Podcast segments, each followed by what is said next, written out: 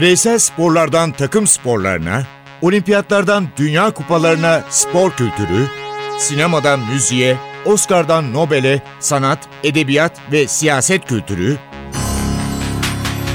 ve dünya tarihinin unutulmazlarıyla ilgili konuşulanlar, olayların perde arkası, yorumlar, sorular ve yanıtlar.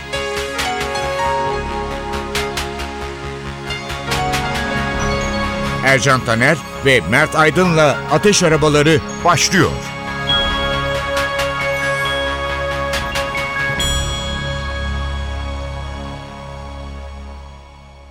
Merhaba, Bir Ateş Arabaları programında daha birlikteyiz. Merhaba. Bugün unutulmayacak bir isimden bahsedeceğiz. Programımıza öyle başlıyoruz. Cengiz Göllü. Türk voleybolu için tam anlamıyla bir ekoldü. Ben meslek hayatımda Türkiye Radyo Televizyon Kurumu'nda görev yaptığım sırada uzun yıllar voleybol anlattım. 8 yılı bulmuştur bu süre. Cengiz abiyle tanıştım. O yıllardaki Eczacıbaşı, o yıllardaki milli takım bir başkaydı. Türkiye'nin işi o zaman salonlarda zordu. Özellikle voleybolda, kadınlar voleybolda. Çünkü Sovyetler Birliği daha parçalanmamıştı. Çok önemli takımlar vardı. Uraloçka değil mi? Uraloçka, e, Yugoslavya aynı şekilde devam ediyordu. Balkanlarda çok zorlu rakiplerin arasında mutavazı kendi halinde fakat voleybolu çok iyi bilen bir kişilik hem milli takımı hem de kulübünü Eczacıbaşı'nı uzun yıllar sırtladı ve Türkiye'de bir ekol oldu. Türk sporuna çok büyük hizmetler yaptı. Bu isim Cengiz Göllü'ydü. Kendisini yakından tanıma şansına sahip oldum. Mekanı cennet olsun. Arzu Göllü gibi Türkiye'nin en önemli pasörlerinden biri yine babası tarafından yetiştirildi. Arzu'ya da Allah sabır versin. Ama Türk sporu çok büyük bir mimarını kaybetti bence. Evet yani kesinlikle Türk spor tarihinin önemli kilometre taşlarından biri. Sadece voleybolla sınırlamamak lazım. Ee, bunu ifade etmek gerekiyor. Belki de o dönem için bir Don Kişotluk gibi görünen bir işe soyundu. Bir iş için mücadele verdi. Ve gelinen noktada Türk kadın voleybolunun nerede olduğunu şu anda hepimiz biliyoruz. Hem Evet. milli takım seviyesinde hem kulüpler seviyesinde. E, bunun temelini atan adam. Şu, hep Kesinlikle öyle. Her ko- 1955'ten 2011'e kadar tam 56 yıl hiç ara vermeden Türkiye'de voleybola hizmet etmiş bir şahsiyetten Evet, bahsediyoruz. önce e, kendisi milli bir sporcu ardından da teknik adamlığa başlıyor ve hani hep deriz ya bir şeyin temelinin iyi atılması lazım. O işin devamının ne kadar iyi gelirse gelsin temeli sağlam değilse maalesef sonu gelmiyor. E, ama Türk kadın voleybolunun temelini o kadar güçlü o kadar net bir şekilde e, attı ki Cengiz Göllü devamı da geldi. Ondan sonra gelenler hem oyuncu olarak hem teknik adam olarak e, birçoğunun öğrencisiydi ve gelinen noktada Türk kadın voleybolu çok önemli yerlere geldi. Aynı kanaatteyim ve bundan sonra da yine voleybolda büyük başarıları yaşayacağız ama onun attığı temelli. Bunu hiçbir zaman unutmayalım. Biraz üzüldük geçen hafta. Geçtiğimiz yıllarda özel program da yapmıştık. Ee, Muhammed Ali yine hastanede bu kez e, zatüre teşhisiyle. Evet e, yani şu var hani zaten çok ciddi sorunları var biliyoruz Parkinson hastalığı var eminim başka şeyler de tetiklenmiştir bu hastalıktan o yüzden e, her yeni hastalık e, onun vücudunu daha belki kırılgan hale getiriyor öyle ifade etmek lazım e, biliyorsun hani spor sanat dünyasından da e, Halit Akçatepe'nin e, maalesef felç olduğu haberi geldi Maalesef. yani işte üst üste geliyor galiba bazı şeyler. Özellikle belli hastalıklarınız varsa en küçük bir şeyde o hastalık çok farklı yerlere e, maalesef vücudu götürebiliyor. Evet. Biraz bahsedelim Muhammed Ali'den. Edelim tabii. ki. Muhammed Ali sadece ringe çıkıp dövüşmüyor. Aslında ona 5 program falan etmemiz lazım. Etmemiz Zaten arada gerekiyor. her seferinde yaşamından bir parça sunuyoruz herhalde birçok programda. Ben doğumundan başlayayım. 17 Evet. Ocak 1942. Kentucky doğumlu ve birçok kişi tarafından boksa yıllarını vermiş, spora yıllarını vermiş birçok uzman tarafından tüm zamanların gelmiş geçmiş en iyi boks şampiyonu olarak kabul edilir. Şunu söylemek lazım Ercan abi.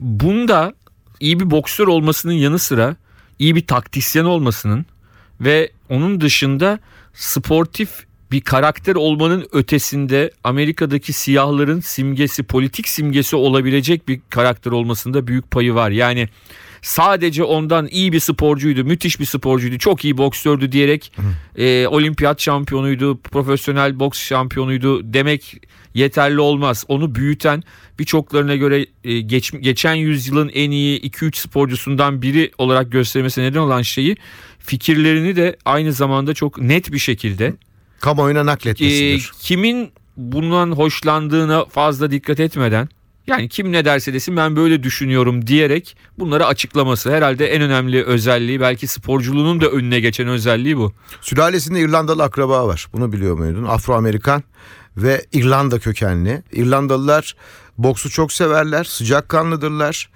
ve e, hemen sinirlenirler, dövüşürler. Muhammed Ali tam 12 yaşında keşfediliyor. Yörenin çocuklarına boks yaptıran aynı zamanda antrenörlük yapan bir polis tarafından. Keşfediliyor. Keşfediliyor. Yaş 12 ve Amerika'da 12 yaşındayken altın eldiven şampiyonasında ilk defa kayıtlara giriyor ve dikkatleri çekiyor. 12 yaşında bir şampiyon yetişiyor Bu diyorlar. Amerikalılar için çok önemli bir turnuva. Golden Gloves e, özellikle genç boksörlerin ortaya çıkışında çok işte Sugar Ray Leonard gibi isimler de öyle. Hep o turnuvadan çıkıyorlar. Tabii şunu söyleyelim Muhammed Ali Muhammed Ali olarak doğmuyor.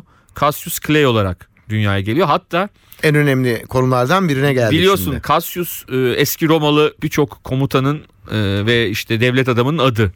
E, 1960'ta 18 yaşındayken Amerikan olimpiyat takımına girip Roma olimpiyatlarına gidiyor.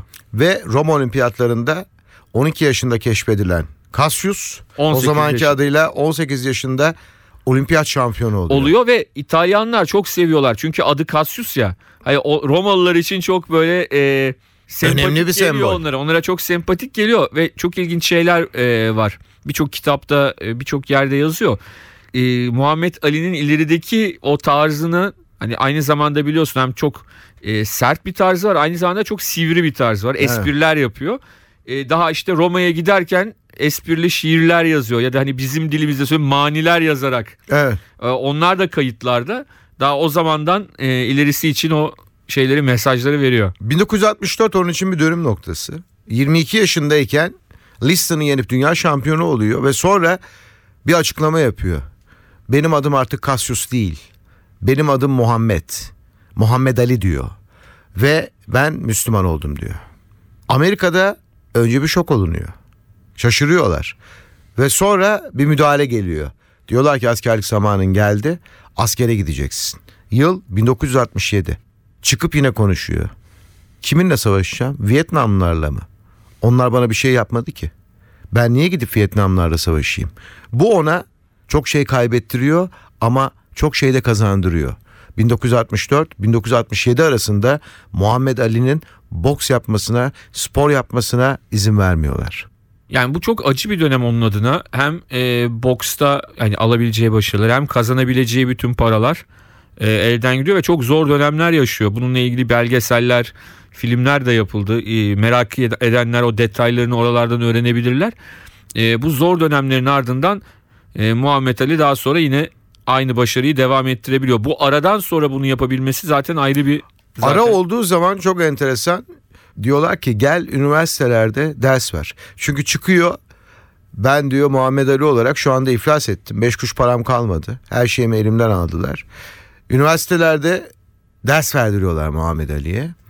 Ve yıl 1971. 1971'de sonradan her zaman zaten çok iyi arkadaşlar ama sonradan bayağı iyi arkadaş olduklarını sen anlatmıştın bana. Joe Fraser'la asrın maçına çıkıyor. Yıl 1971. Ee, ve ondan sonrası zaten geliyor. Yani e, zaman zaman kaybettiği maçlar da var ama 70'lerin sonuna kadar e, Muhammed Ali efsanesi bir şekilde devam ediyor. Ama 71'deki asrın maçında şu oluyor biliyorsun. Muhammed Ali favori kazanan Joe Fraser. Evet ama işte ondan sonra e, hem Afrika'da hem Filipinler'de yapılan maçlar var değişik rakiplerle Fraser'la da. E, onlarda aldığı galibiyetlerle yeniden e, popülaritesinin en yüksek seviyesine ulaşıyor diyebiliriz. Tabii ki onun için şanssızlık e, çok erken yaşta Parkinson hastalığına yakalanıyor ve Maalesef. açıkça söylemek gerekirse işte 80'li yıllarda 1978'de boksu şampiyon bırakıyor. Oynadığı iki tane ünlü isim. Joe Fraser ve George Foreman. İkisini de knockout'la yeniyor daha sonra. En büyük benim diye bir lafı vardır. Evet. Ringde. Bir de kelebek gibi uçarım ara gibi sokarım. İki ünlü zamanın ünlü sporcusunu knockoutla yenmeyi başarıyor ve en büyük benim diye bağırıyor ringin ortasında. E, ve tabii esas hikaye daha 60'lı yıllarda Amerika'daki ırk ayrımcılığının yüksekliğinin e, çok belirgin olduğu yıllarda olimpiyat madalyasını Ohio nehrine atıyor. Hı hı. Ve Uluslararası Olimpiyat Komitesi Ama neden atıyor? Lokantaya almıyorlar E tabii değil mi? işte o yüzden Evet. yani e, ırk ayrımcılığı çok yüksek seviyede. Onunla ilgili ünlü NBA yıldızlarının eski 50'li 60'lı yıllarda oynayan anıları da var. Hani takım halinde bir yere gittiklerinde onlara nasıl ikinci sınıf muamele yapıldığı restoranlarda, otellerde. Ve 1996 olimpiyatları öncesinde Uluslararası Olimpiyat Komitesi kendisine e, madalyasını iade ediyor. Yani bir madalya veriyor daha doğrusu. Yeni bir madalya yapıp o nehirden bulamazlar tabii ki. Ve e, Atlanta olimpiyatlarının da meşaleyi yakan adam Muhammed Ali. Muhammed Ali ve herhalde e, olimpiyat tarihinin en dramatik, en göz yaşartıcı, işte e, tüyleri diken diken eden anlarından bir tanesi diyebiliriz rahatlıkla. Şöyle bir rekoru da var. Sportif anlamda da bakalım. 37 maçını knockoutla kazanıyor. 56 maç yapmış. 37'si knockoutla. Hemen işi bitiriyor yani. Şunu da söyleyelim. Hani çok e, istenen ama hiç yapılmayan bir maç var. Muhammed Ali ve Teofilo Stevenson Kübalı. E, Stevenson da amatör seviyede bütün rakiplerini neredeyse knockoutla deviren 3 olimpiyat Evet. şampiyonluğu kazanan bir sporcu. Ve ikisini maç yaptırıp 70'li yıllarda büyük paralar kazanmayı hedefliyor menajerler diyelim. Ancak Stevenson ben Castro'ya, Fidel'e ihanet edemem. Ben parada pulda gözüm yok. Ben Küba'da yaşar, e, olimpiyat şampiyonu olurum diyor ve o maç hiç maalesef Maalesef gerçekleşmedi. Teofilo Stevenson o kadar mütevazi bir insan ki. Belgesel izledim ben. onu da geçen yıl mı önce iki yıl önce galiba İki yıl kaybettik. önce veda etti hayata. Fidel Castro'yu çok seviyor. Castro da onu seviyor. Hatta izin verecek belki de Muhammed Ali ile e, ringe çıkmasına. Stevenson'un iki oda bir salondan oluşan e, şimdi işte Küba'da şampiyon oldukları için Castro demiş ki ya şu evde otur. Ben demiş ama kira vermek istiyorum. Stevenson da öyle yok kira falan yok demiş. Bu evde otur evini gösterdiler. O zaman da yaşıyordu Stevenson. Teofilo Stevenson. İşte iki oda bir salon. Çok ufacık bir bahçesi var. Ee, şehrin dışında çok mu son derece mütevazı bir ev. Ben dedim ki bütün maçlarını kazanmış. Dünyanın en çok tanıdığı bir sporcu. Sadece Castro sevgisi yüzünden ülkeyi terk etmiyor ve e, o mütevazı yaşamını sürdürüyor. Görüşüyor musun diyorlar belgeselde soruyorlar Castro'yla. O da gelir zaman zaman ben de gide, canım istediği zaman yanına gidebilirim diyor. Bu da enteresan bir anekdot. Aynen O öyle. da gelir muhabbet ederiz konuşuruz diyor Castro'yla. E, Hayat öyle. Evet orada. Ercan abi bu hafta birini daha kaybettik biliyorsun. Önemli bir şarkıcıyı, önemli bir müzisyeni kaybettik. E, Joe Cocker 70 yaşında akciğer kanserinden e, yaşamını yitirdi. Joe Cocker da İngilizlerin yine müziğe hediye ettiği önemli kişilerden bir tanesi. 1944'te Sheffield'da dünyaya gelen ve ilk çıkışını e, Beatles'ın kendisi de ödünç verdiği bir şarkıyla 1968'de With a Little Help From My Friends şarkısıyla yapan bir isim ve 1969'da o ünlü efsane Woodstock festivalinde sahneye çıkıp bu şarkıyı söyleyen bir adam ama sonraki kuşaklar onu o kendine has sesiyle söylediği Unchain My Heart şarkısıyla herhalde 80'lerin Unutmayacaklar. sonunda unutmayacaklar. unutmayacaklar. Tabii ki 1983'te e, Grammy ödülü kazanmış bir isim aynı zamanda. E, ama Unchain My Heart onu popüler müziğe meraklı camiaya da tanıttı. Zaten tanınan müzikte müzisyen olarak tanınan bir kişiydi şarkıcı olarak ama daha da büyük kitlelere diyelim onu tanıttı. E, 70 yaşında e, onu kaybettik. İstersen Unchain My Heart. evet yani Unchain My Heart onun milli marşı diyelim. Evet. Onu dinleyelim. Unchain my heart, baby. Let me be. Cause you don't care. Well, please set me free.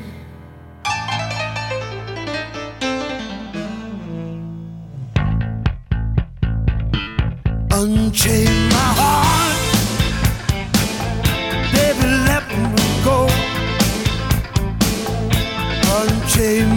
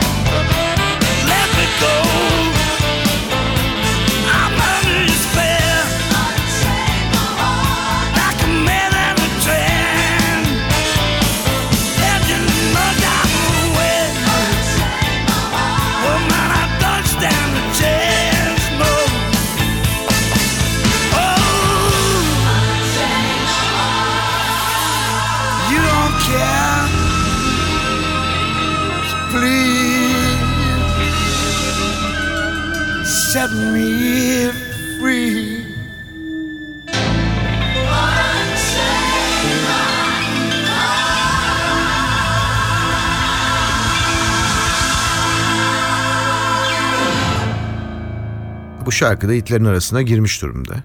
Tabii ki hiçbir zaman unutulmayacak. Ama geçen hafta konuşamadığımız bir konu var. İşte Liverpool çıktı Beşiktaş'a. Herkes Liverpool'un Beşiktaş'ta daha önce karşılaştığı, İstanbul'da yenildiği, sonra farklı kazandığı maçtan bahsetmeye başladı. Halbuki biz başka bir pencereden bakacağız. Liverpool bir ekoldür. Liverpool bir okuldur. Ee, Liverpool bir tarihtir. Biz öyle bakalım dedik. Liverpool kulübüne. Çünkü Liverpool'da fazla değil. Kaç metreydi araları? Evet çok çok Çok bir yakın, mesafe. küçük. Metresini bilemeyeceğim ama iki sokak falan var. İki sokak ileride Everton var. Öyle büyük kavgaları da yok Yani ama Goodison aralarında büyük, Park'la Enfield arasında çok fazla bir aralarında büyük bir rekabet var. This is Anfield yazısı var. Tam Liverpool kulübesinden yukarı doğru çıkıyorsun tribüne, tribünlere çıkacaksın. This is Anfield ve Liverpool'un o da anka kuşu amblemi var. Oradan çıkıp maçın ilk 20 dakikasını atlattın mı e belki bir şeyler olabilir derlerdi eskiden. Şimdi acaba öyle mi? Şimdi pek öyle değil. Öyle gözükmüyor. Evet uzun süredir öyle değil. Hani geçen yıl aslında yeniden o şampiyonluğa 90 yılından beri kazanamadıkları şampiyonluğa yaklaştılar ama hani bu takımın simgesi haline gelen ve hani en büyük eksikliği lig şampiyonluğu olan Steven Gerrard'ın ayağı kaydı. Evet. Şimdi Beşiktaş'ta oynayan Dembaba'nın ayağından orada yedikleri gol Chelsea'den ardından bir tane daha yiyip e, şampiyonluğa elveda dediler. Ve bu senede biraz yerlerde sürünüyorlar. Yani çok Şu çaba kadar. sarf etseler. E, yani bundan sonra da ligde şampiyon olabilecekleri zannetmiyorum. Yani puan farkı çok ciddi. Şu anda tek hedefleri bir şekilde Avrupa'ya kapağı atmak ve UEFA Avrupa Ligi de aslında biliyorsun Şampiyonlar Ligi'ne e, götürdüğü için artık UEFA Avrupa Ligi şampiyonluğu Liverpool adına büyük bir hedef olacak. Yani onun da altını çizelim. Çok köklü dedik, tarih dedik. Müsaade edersen onlardan biraz bahsedeyim. 15 Mart 1892 Liverpool kulübü kuruluyor. 1892 yılında. Geç bile kurulmuş.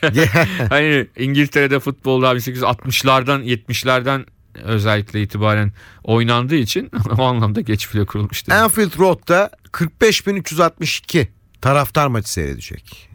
Liverpool Beşiktaş maçını. Ama başkanlarından pek hoşlanmıyorlar. Başkan derken takımın sahibi Tom Werner. Neden? Amerikalı. Liverpool'da acaba problem o mu? diye zaman zaman düşünmeden edemiyorum.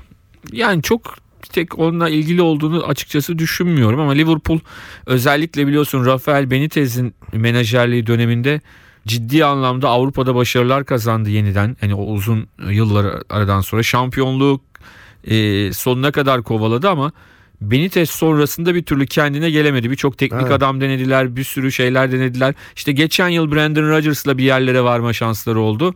E, ama işte Suarez'i bir sattılar.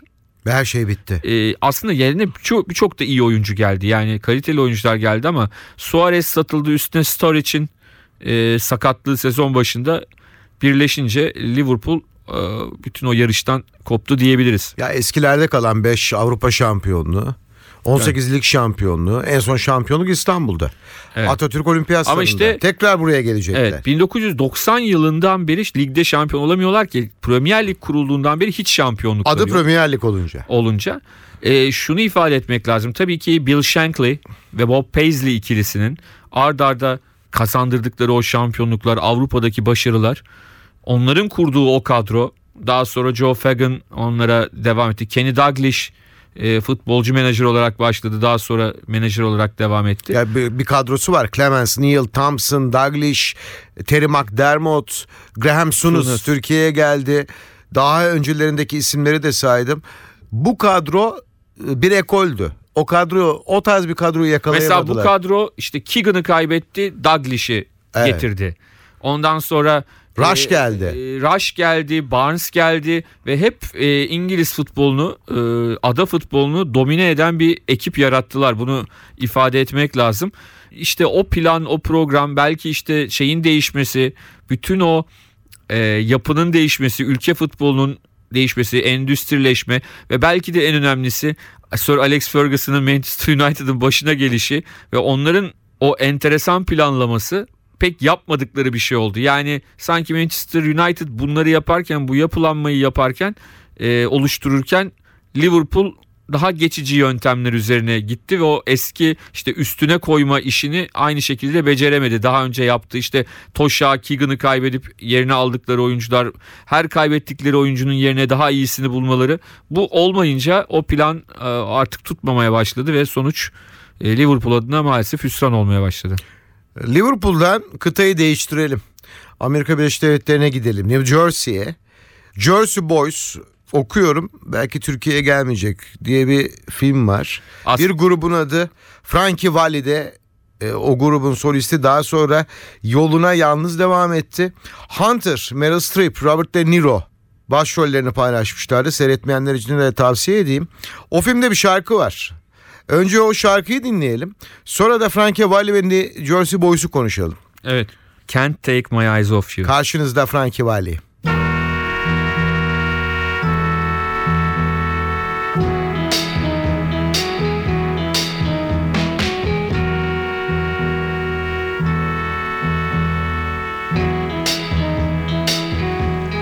You're just too good to be true.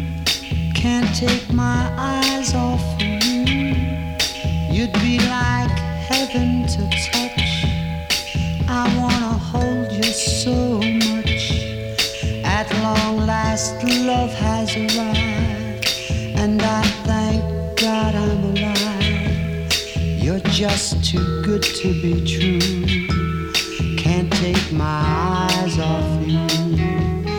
Pardon the way that I.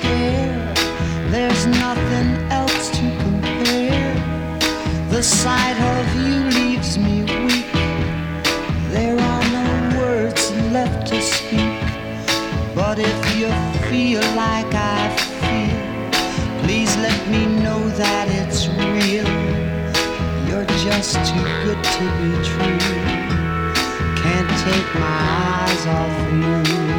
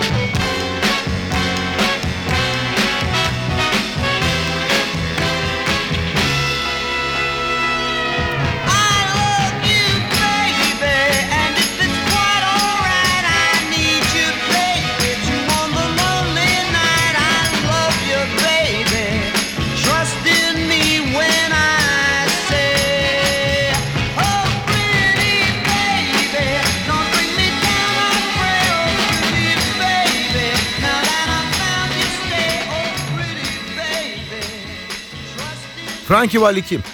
Bir Frank Sinatra hayranı. 1970 yılı. Şöyle bir şanssızlığı var. Bizim Burçin de müziğe merakla onunla konuşuyoruz. Frankie Valli çok iyiyken karşısında Frank Sinatra var. Queen var. Beatles ama herkes Elvis.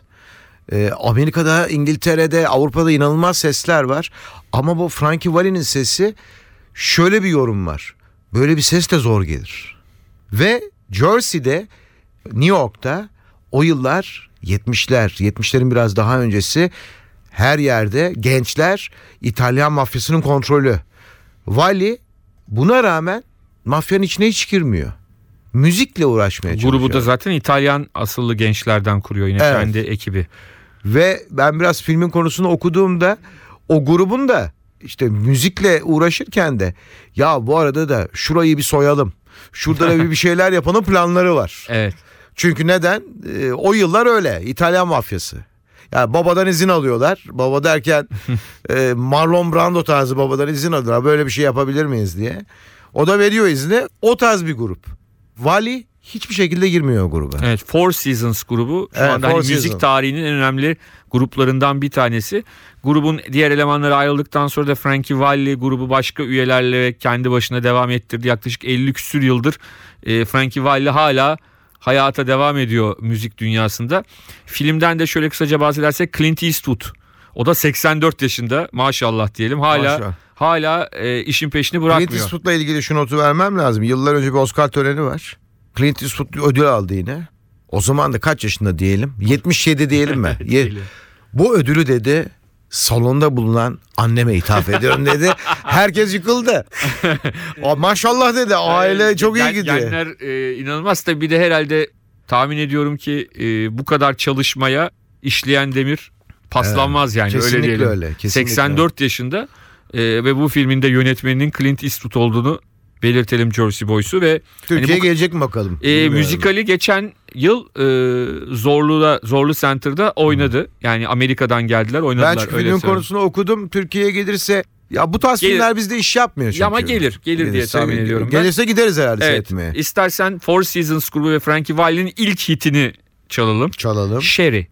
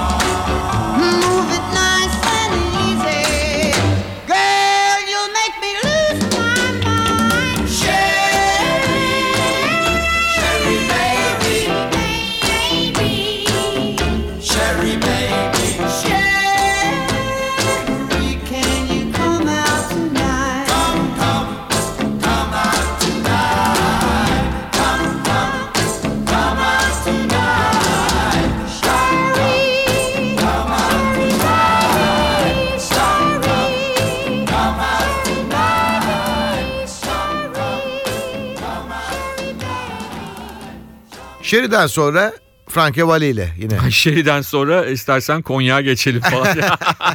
Güzel. Yalnız e, bu gü- Cenk abi yapardı böyle esprileri. Rahmetli Allah Cenk orayı rahmet da yad ettik. Güzel de espriler. Bir gün Ankara'dan İstanbul'a gidiyoruz. Biri geldi. Ben de yanındayım Cenk abinin. Cenk Bey dedi İstanbul'a mı dedi. Yok Bolu'da ineceğim dedi. Cenk abi. Frankie Valli ile artık veda zamanımız geliyor. Yine bir e, önemli hit diyelim. Big Girls Don't Cry.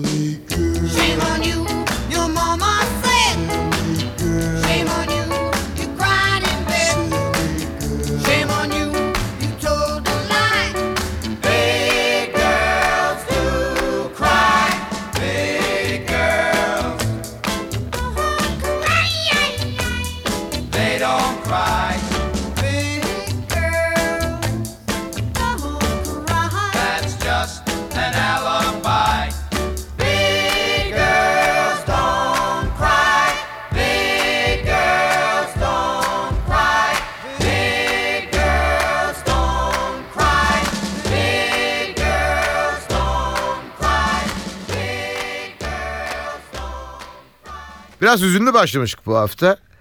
Ama dünyanın kuralı bu. Hiç kimse dünyaya kazık çakmıyor. Ve artık veda edelim. Veda zamanına geldik. Ama Mert'in yine şöyle göz ucuyla bakıyorum bir şarkı bana gösteriyor ile bunu da çalabiliriz diyor. E ben de tamam diyeyim onu da çalalım.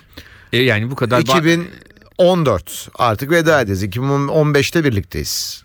Çok değil birkaç gün sonra ama 2014'te de veda ediyoruz.